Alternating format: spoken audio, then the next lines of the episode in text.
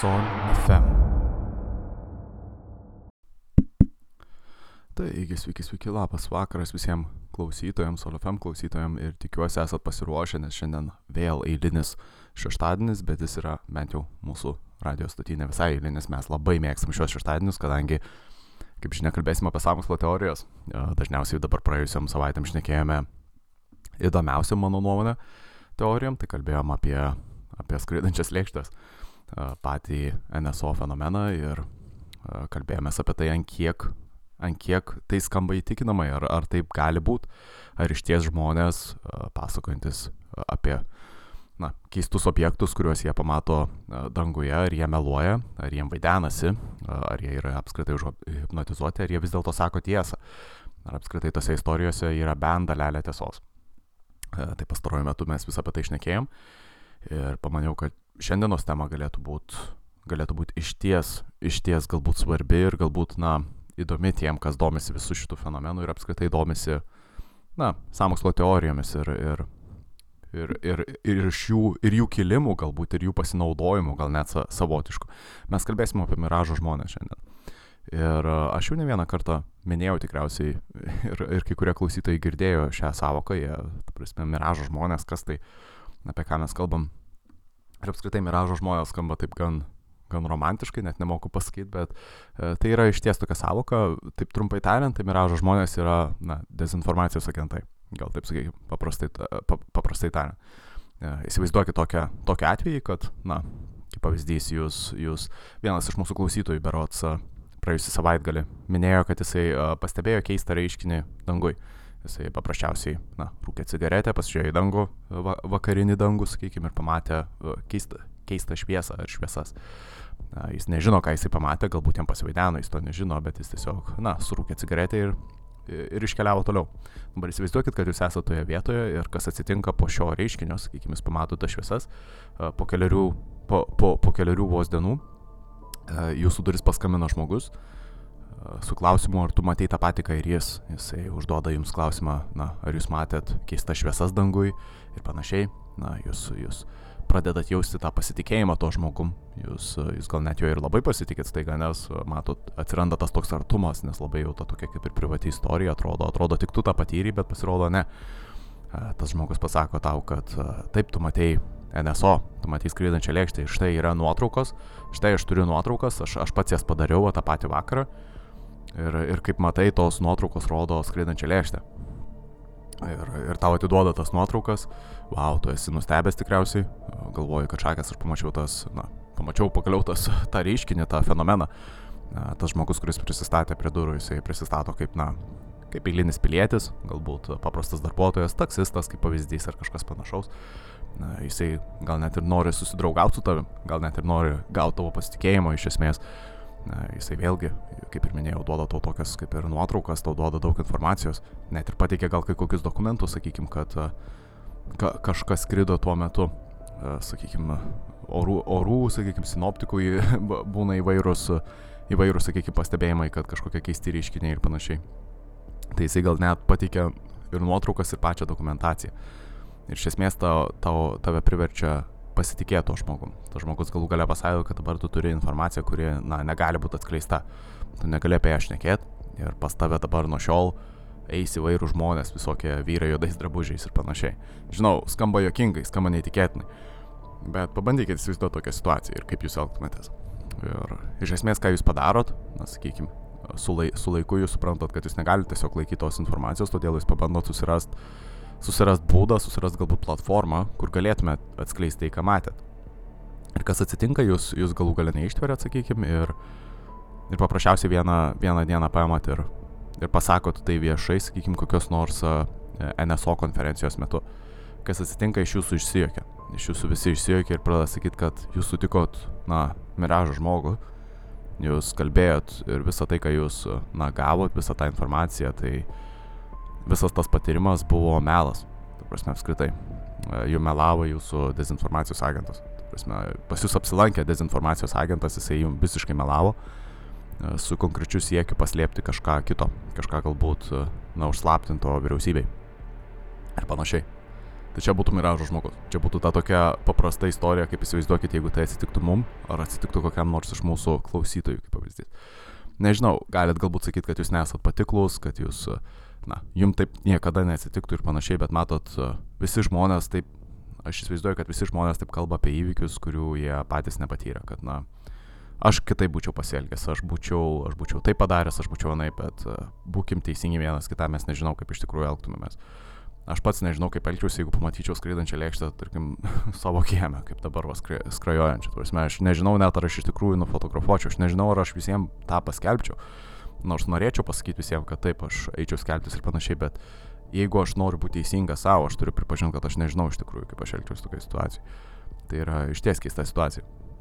Ir kaip mes žinom, apskritai pats fenomenas jisai yra gan retas dalykas, tai nėra toks dalykas, kurį kiekvienas žmogus pamato gyvenime bent kartą. Ne, tam tikri žmonės tai pamato gal kartą gyvenime, gal net jiem pavyksta nufilmuoti, bet tai yra labai retas įvykis, tą turim suprasti.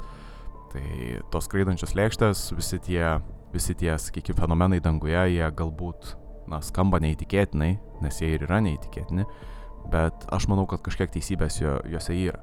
Ir miražo žmonės bando tą teisybę, na, pa, pa, paverst visišką neteisybę, galbūt paverst tokia kaip ir na, dezinformacija. Tarsi, apskritai bando užpildyti visą tą smulkę tiesos dalelę su, su dezinformacija. Taigi, kalbėsim apie, kaip ir minėjau, apie miražo žmonės. Nežinau, ar tai jums skamba įtikinamai ir suprantamai, bet patikėkit manim, tai nėra kažkokia aš, aš neskleidžiu dezinformacijos dabar šiuo metu sakydamas, tai tie, tie žmonės egzistuoja. Tai yra darbuotojai, tai yra specialūs agentai, jie dirba na, tam tikrose, sakykime, įstaigose.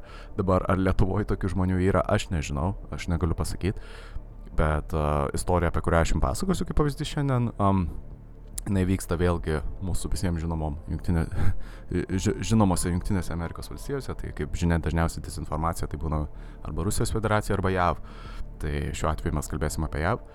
Aš, mano pagrindinis šaltinis tai bus knyga to pačiu pavadinimu - Miražo žmonės. Tai knyga buvo išleista dar 2010 metais Marko Pilkingtono, anglų autoriaus. Ne, nesakyčiau kūryba, bet tikrai kūrinys, tikrai neįtikėtina istorija.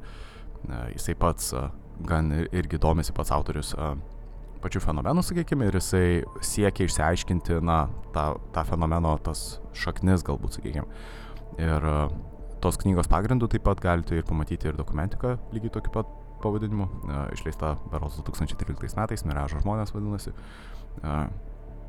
Esmė, esmė viso to yra paprasta, tai kad jau nuo seno, tai dar prieš šaltąjį karą, tai iškart po antrojo pasaulinio karo jau prasidėjus tik dar tik šaltajam karui ir net prieš, kaip ir minėjau, šaltąjį karą, tai dar, dar tarpu kario metu didžiosios valstybės, didžiosios vyriausybės apskritai turėjo, turėjo tam tikrą tikslą užslėpti slaptus projektus. Tai sakykime, galbūt tu kuri kokį nors, galbūt tavo valstybė, tavo ka, ka, karinė, galbūt, ta prasme, karinė tavo valstybės pusė galbūt kuria ir, ir inžinieriauja, galbūt kokią nors, nežinau, naują aparatą, galbūt naują ginklą, kažką naujo. Ir kažkoks paprastas pilietis jį pastebi, pamato, kad tai yra, na, kažkokia naujovė. Kaip tą paslėpti? Na ir vienas iš būdų yra, yra meluoti, aišku, sakyti, kad tas žmogus ten nebuvo, kad nieko nebuvo ir panašiai, bet dar vienas iš būdų yra paversti tą žmogų kvailu. Na, vienas iš būdų yra paversti tą žmogų nepatikimu. Suprantat, tai ir paskleis tam tikrą kaip ir dezinformaciją. Tai to, tokie, tokie dalykai, ta prasme, ypač šaltojo karo metu, tai nebuvo kažkokia naujovė, ta prasme, ir, ir tai yra knygoje pastebima, tai yra iš esmės uh, tai vyko pastoviai. Tai žmonės vis tiek pastebėdavo kažką keisto, tiek danguje, tiek žemėje, sakykime, nebūtinai ateivius, sakau, jie matė ar NSO, ar, ar kažką panašaus, bet jie kartais pamatydavo, sakykime, slaptus projektus, kurie, na, slaptą karinę techniką, kuri dar nėra viešai matoma, viešai prieinama, viešai, na, žinoma žmonėm. Ir ką valstybė siekdavo daryti šio, to, tokiu atveju, jie slėpdavo tos projektus, jie, jie siekdavo tos projektus paslėpti nuo visuomenės ir jie tą darydavo per per tuos dezinformacijos agentus, per miražo žmonės. Tai jie bandydavo viską, viską paversti lyg keista kvaila istorija apie NSO. Jie prisidengdavo skraidančiom lėkštėm tam, kad paslėptų tą keistą projektą. Sakykime, tą keistą, tą, tą galbūt keistą dalyką, ką žmogus iš ties matė. Tai viena iš tų technikų ir yra, kad žmogus, na, žmogus galbūt ir tas pats galbūt net ir miražo žmogus, tas dezinformacijos agentas, jisai tau pateikia istoriją, kuri turi labai mažą dalį tiesos, tikros tiesos ir labai didelę dalį netiesos. Ir kas atsitinka, kai tu išsiaiškini, kad yra bent dalis netiesos tavo istorijoje, tu automatiškai atmeti visą istoriją, tu automatiškai atmeti ir tiesą. Tai kaip ir ta mūsų, na, tas mūsų variantas apie tą visą reiškinį, na, mūsų buvusio klausytojo reiškinį. Galų gale jo istorija buvo paprasta, jisai matė kažką dangui, sakykime, ne? Bet tas dezinformacijos agentas pa, pavertė visą istoriją tą tokią, na, ateivių istoriją, tą skraidančių lėkščių istoriją ir panašiai. Ir kadangi mes, kadangi mes taiga sužinom vėliau, kad, wow, jį apgavo dezinformacijos agentas, mes automatiškai, na, prezimuojam, kad viskas, ką, ką žmogus matė, kad tas pilietis matė ir ką jisai pasakojo, buvo netiesa, kad jisai išprotėjęs vos ne. Ir taip veikia ta dezinformacija. Nors realiai, jeigu mes įsigilintumėm, tai tas pilietis vis tiek kažką matė. Jisai vis tiek kažką matė keistų, jisai tiesiog nežino, ką jisai matė. Ir tai ir yra net pažinto skraidančio objekto savoka. Tu kažką pamatėjai, jisai skraidė ir tai buvo kažkoks objektas dangui. Tai tikriausiai ir buvo NSO. Bet kadangi tas dezinformacijos agentas viską pavertė į tą tokį, na kaip ir šaradą, į visą tą tokį juoką, tai žmonės automatiškai tą visą publiką tave išjuokia, tave priverčia kaip ir na, paverčia tiksliau nepatikimu tokiu žmogum. Ir kaip ir tu pradedi nukentėti nuo to. Uh, tai taip, uh, pabandysiu papasakoti pačią istoriją. čia, čia aš daviau tą tokį kaip ir variantą, kas yra miražo žmonės. Mano nuomonė, jie egzistuoja iki šiol. Ir apskritai tie, na, dezinformacijos kampanijos, tai nėra kažkas, kažkas nepatirto. Mes galim paprasčiausią nuotrauką panaudoti prieš kitą žmogų, kaip, na, su, su, su menkiausiais, sakykime, su menkiausiais įrankiais, sakykime, su, su, su menkiausia net ir programinė įranga mes galim paversti bet kokią nuotrauką, na, kitokią situaciją, tu prasme, iš jos išgauti. Ir, ir iš esmės, na, dezinformacija vyksta kiekvieną dieną, galima sakyti taip. Taigi, minėjau vyrus juodais drabužiais, tai nepradėkit juoktis, čia nebus, nebus ta istorija, mes nekalbėsim apie vyrus juodais drabužiais, bet tai yra tam tikras samokslas irgi. Vyrai juodais drabužiais tiek filmas, tiek, na, realybė. Galbūt šiek tiek skiriasi, bet ką aš noriu pasakyti, tai kad apskritai vyrai juodais drabužiais gal turi kažkiek irgi teisybės savyje, kad galbūt pats filmas kalba apie, apie tikrus žmonės, kurie egzistuoja, galbūt. Na, taip, žmonės juodai apsirengiantis egzistuoja, bet uh, mes kalbam apie, apie agentus, kurie, na, gelbsti mus nuo ateivių ir kažkas panašaus, arba kalba apie ateivius, na. Nesvarbu, žodžiu, čia bus ne šiandienos tema, mes kalbėsim apie, apie būtent tą samokslą, apie būtent miražo žmonės, man gan įdomi ir mėgstama tema. Iškart tiem, kas nežino, tai tik priminsiu, kad šią savaitę realiai atostogauju, todėl manęs nebus, todėl visa tai, ką jūs klausot, yra įrašas. Tai nėra tiesioginė transliacija, tai šiuo metu, jeigu norėsit man paskambint, nepykit, bet tikriausiai atsiliepsiu ir jūs neišgirsit savęs per, per patį radiją, kadangi, kadangi šiuo metu ta transliacija nėra vykdoma tiesiogiai. Jūs klausotės įrašo dėja, aš kol kas būsiu atostogose, taip. Bet kaip ir minėjau, skambučius ir jūsų žinutės priemu. Ypač žinutės, rašyti man galit bet kada. Tai kaip ir visada šių laidų metu, šių pramoginių laidų galbūt metu, aš, aš jums visų, visų jūsų klausytojų prašau, tai kad aprašykit savo įvykį, papasakokit, ką matėt, galbūt danguje kažkada, gal, gal per, per visą savaitę spėt kažką pamatyti, gal jūs ateiviai pagrobė, nežinau, papasakokit. Aš iš jūsų nesijuoksiu, aš pabandysiu kiekvieną istoriją priimti, na, kaip tiesą ir pabandysiu ją galbūt įvertinti, galbūt viešai paskelbti, bet vėlgi, kaip ir minėjau, čia dabar yra įrašas, viešai nieko paskelbti man nepavyks, todėl rašykit, skambinkit, bet iki to laiko turėsit pasiklausyti šio įrašo. Taigi, prateskime apie miražo žmonės. Tai pati istorija, kaip ir minėjau, buvo na, paviešinta knygoje 2010 metais, vėliau buvo išleista po trijų metų ir dokumentika. Esmė, pats centras šios, šios knygos, galbūt sakykime, yra apie vieną iš dezinformacijos agentų, kuris yra atsistatydinęs, bent jau jo, jo na, pasakymų. Vėlgi, matot, yra sunku pasitikėti tokiais žmonėm, jeigu tu esi dezinformacijos agentas, tai tikriausiai viskas, ką tu sakai, yra melas. Tai žmonės iškart prezimuoja, kad na, tu, tu meluosiam žinai. Uh, taigi, Richardas Dautis, uh, jo, jo vardas pavardė, uh, gal sakysim tiesiog ponas Richardas arba Richardas. Taigi, Richardas yra atsistatydinęs dezinformacijos kaip ir agentas, jisai, jisai dirba specialiajam, specialiajam JAV departamente, uh, oro pajėgų departamente berots, kuris yra susijęs su specialiaisiais tyrimais ir panašiai. Ir e, jisai papasakojo istoriją, ta prasme, ta, ta visa istorija centruojasi ties juo, jisai papasako, kaip viskas buvo daroma daugmaž ir, ir kas, kas įvyko, sakykime, kas, kas vyksta gal iki šiol, gal taip sakykime. Ir, ir ta pati istorija centruojasi ties juo ir ties dar vienu žmogum tokiu Polu Benevicu. Uh, tai Polas Benevicas, kaip žinia, yra uh, verslininkas, buvo tiksliau verslininkas, kuris, uh, kuris kartu ir domėjosi šiek tiek uh, pačiu NSO fenomenu. Ir uh, čia pati istorija galbūt šiek tiek yra kraupi ir, ir galbūt keista kai kuriem, gal net kai kuriem bus juokinga, aš nežinau, bet pabandysiu atpasakoti ją kuo tiksliau, kuo aiškiau. Bet esmė yra labai paprastai, na, Richardas, tas prieš tai mano minėtas Richardas Dotis, jisai yra, jis tuo metu, tuo laikotarpiu, apie kurį jisai pasakoja, tai čia buvo apie 90-metis, beros ar 80-metis, kuomet buvo viskas vykdoma, jisai, jisai dirbo kaip specialusis agentas ir jisai, ir jisai buvo dezinformacijos agentas siekiantis, na, pakeisti Polo Benovico galbūt požiūrį. Jo Polas Bene, Benevicas, jisai kaip verslininkas, jis buvo jo taikinys, to Richardo.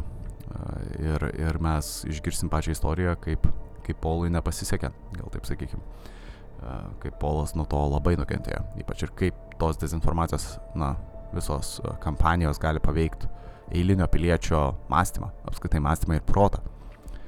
Taip pačiai pradžiai, kad suprast, mes apie patį Richardą Dotį, apie patį Richardą, tą mūsų dezinformacijos agentą, mes labai daug kažko nežinom, tiesiog mes žinom, kad jis buvo specialus agentas, jisai dirbo, ar jis yra iš ties atsistatydinęs, na, tikėtina, kad jisai jau nebedirba ten, kur jisai sakė, kad dirba, taip, kad jisai iš ties yra galbūt ir atsistatydinęs, bet ar jo visi ryšiai su specialiosiom, specialiosiom, sakykime, agentūrom, tų e, trijų raidžių agentūrom yra jau nutrūkę, tikėtina, kad ne na, kaip, kaip žinia patys, na, mes kaip žmonės nesam labai patiklus, bet mes esam labai patiklus, kai su mumis kalba asmeniškai, galbūt taip sakykime. Tai tikėtina, kad tikėtina mes, mes nesam dabar patiklus su Richardu. Tai mes net negalim jo pasitikėti, turbūt net jeigu jis į savo vardą pasakytų, mes net nežinom, ar jo vardas yra tiesa. Taigi, tęsiant toliau, esmė yra labai paprasta, istorijos toliau tęsiant su Paulu Benevicu, tai jo istorija vėlgi jau šiek tiek plačiau yra žinoma, jisai buvo antro pasaulinio karo metu kaip ir inžinierius, jisai radiotechnikas, jisai tam tikrą prasme jisai, na, jisai nėra, sakykime, kvailas, gal taip sakykime, jisai nėra išprotėjęs ar kvailas, galbūt jisai turi tam tikras tendencijas būti labiau, labiau galbūt išsigandusių ir paranoiškų, bet uh, esmė yra paprastai, jisai gan protingas žmogus, jisai inžinierius, jisai išmano techniką, elektrotechniką įvairiai ir panašiai, jo verslas užsijama su, su radiotechnika berots ir ne, užsijėmė tiksliau e, su radio technika perots. E, pats verslas buvo ganėtinai sėkmingas ir, ir žmogus galėjo, na, gyventi gan, gan gerai, pusme pats Polas Benevicas. Savo gyvenime jisai pradėjo domėtis pačiu fenomenu NSO, kaip žinia, tai nėra nusikaltimas, kiekvienas galim išeiti į lauką ir stebėti žvaigždės, ką Polas darydavo, jisai panaudodavo savo žinias, savo, na, inžinerinės žinias, jisai, jisai klausydavosi, klausydavosi įvairių radio, radio transliacijų, uh, ir kartu filmuodavo dangų, gal taip sakykime. Ir ką jisai darydavo ir fotografuodavo ir filmuodavo dangų. Ir ką jisai darydavo dažniausiai, jisai dažniausiai uh, atvykdavo prie, prie vienų iš oro bazių netoliese esančių pačioje valstijoje, kurioje jisai gyveno ir jisai filmuodavo aplink tą bazę, sakykime, na, jisai aplink keliaudavo tą bazę vis vakarais, jisai taip pafilmuodavo, taip pafotografuodavo ir klausydavosi tam tikrų radio na, transliacijų. Tai šiaip yra gan uh, gan populiarus, gan, gan populiari veikla šiaip dabar, jeigu taip atvirai, tai e, toks dalykas yra gan populiarus Amerikoje apskritai, ypač, e, kaip žinia, 51 zona e, Amerikoje tai yra labai pagarsėjus zona visais tais visom tom skraidančiom lėkštėm, fenomenų, ateiviais ir panašiai, tai pati zona yra, ją draudžiama yra įžengti, žmonės tave išvesdins, jeigu tu pabandysi įeiti ir tie žmonės bus apsiginklavę. Jeigu tu atsisakysi išeiti, tai, na, tie žmonės, na, tie žmonės turi įsakymą naudot e, mirtiną jėgą, tai yra iššaut, na, ta prasme, nušaut žmogų ir, ir yra istorijų, kur žmonės toje zonoje iš tiesų žuvo e, ir, ir vėlgi kaip ir žinia, kažkas yra saugoma toje, toje zonoje. Tikriausiai labai didelės paslaptis, slapti kažkokie projektai čia irgi atskiras samokslas, bet iš esmės veikla yra tokia veikla kaip stebėjimas tokių oro bazių, tokių slaptų oro bazių yra, nėra kažkas naujo, žmonės tą darėm, žinai, tai kaip ir, kaip ir pavyzdys, net ir dabar, kol aš neku, tikėtina, kad kitame pasaulio gale, netoli 51 zonos, kažkur ant kalnų užsiropštė, užsiropštė, sakykime, samokslo tie teoretikai su folijom ant galvos, e, sėdi su žiūronais ir stebi, kas darosi toje, toje sakykime, zonoje. Kai kurie iš jų turi įdomių istorijų papasakot, kai kurie ne. E, tai čia, čia toks dalykas. Tai Polas Benevicas, jisai buvo kaip ir vienas iš tokių žmonių, jisai, jisai paprasčiausiai mėgdavo stebėti, mėgdavo stebėti tiek žvaigždės, tiek ir pačias tas bazės aplinkui ir panašiai ir vakarais, ir klausytis kartu, ir, ir tam tikrų radio transliacijų. E, tai jisai būdavo prie netoli Kirtlando oro bazės. E, kaip žinote, toje oro bazėje būdavo dažnai eksperimentuojama su naujais, kaip ir, atsiprašau, ginklais, ginkluotėm. Apskritai, JAV, JAV yra kaip ir viena iš tų didžiųjų karinių valstybių mūsų pasaulyje, tai, tai niek, nie, nieko nenustebins žinant, kad na, jie pastoviai eksperimentuoja ir kuria vis naujus ginklus ir na, čia savaime suprantama. A, tai iš, mė, iš, iš esmės Polas jisai vis stebėdavo tą oro bazę ir jisai pastebėdavo keistus reiškinius, bent jau jo nuomonė. Jisai nufotografuodavo tai keistas, na, sakykime, šviesas dangui, kartais tos šviesos nusileisdavo į bazę, į, pačią oro bazę. Jisai kartais gaudavo tas keistas radio transliacijas, kurių jisai nelabai galėdavo suprasti, jos būdavo kaip, na, koduojamos tos transliacijos. Nežinau, ar esate girdėję, bet tai yra lyg radio transliacija, per kurią viską, ką tu girdi, tai tiesiog yra skaičiai. Tai skaičių transliacijos jisai tokias girdėdavo, jisai girdėdavo šiaip ko, ko, kodiniais žodžiais bekalbančias radio stotis ir panašiai aplink tą oro bazę. Jam tai visa, visa tai sudarė to tokia kaip ir keist, keistą aurą, sakykime, jisai pradėjo dar labiau įsitikinti, kad vėlgi čia yra vienas didelis samokslas paslėptoj oro bazėje skraidančias lėkštės. Na, jo nuomonė susidarė, kad uh, apskritai JAV slepia, slepia slaptus projektus, kuriuos bendrai kūrė tiek žmonės, tiek ateiviai, sakykime, ir jie, ir jie visą tai slepia požeminėse bazėse, kurios yra visur, visur, sakykime, tiek pasaulyje, tiek Junktinėse Amerikos valstijose apskritai.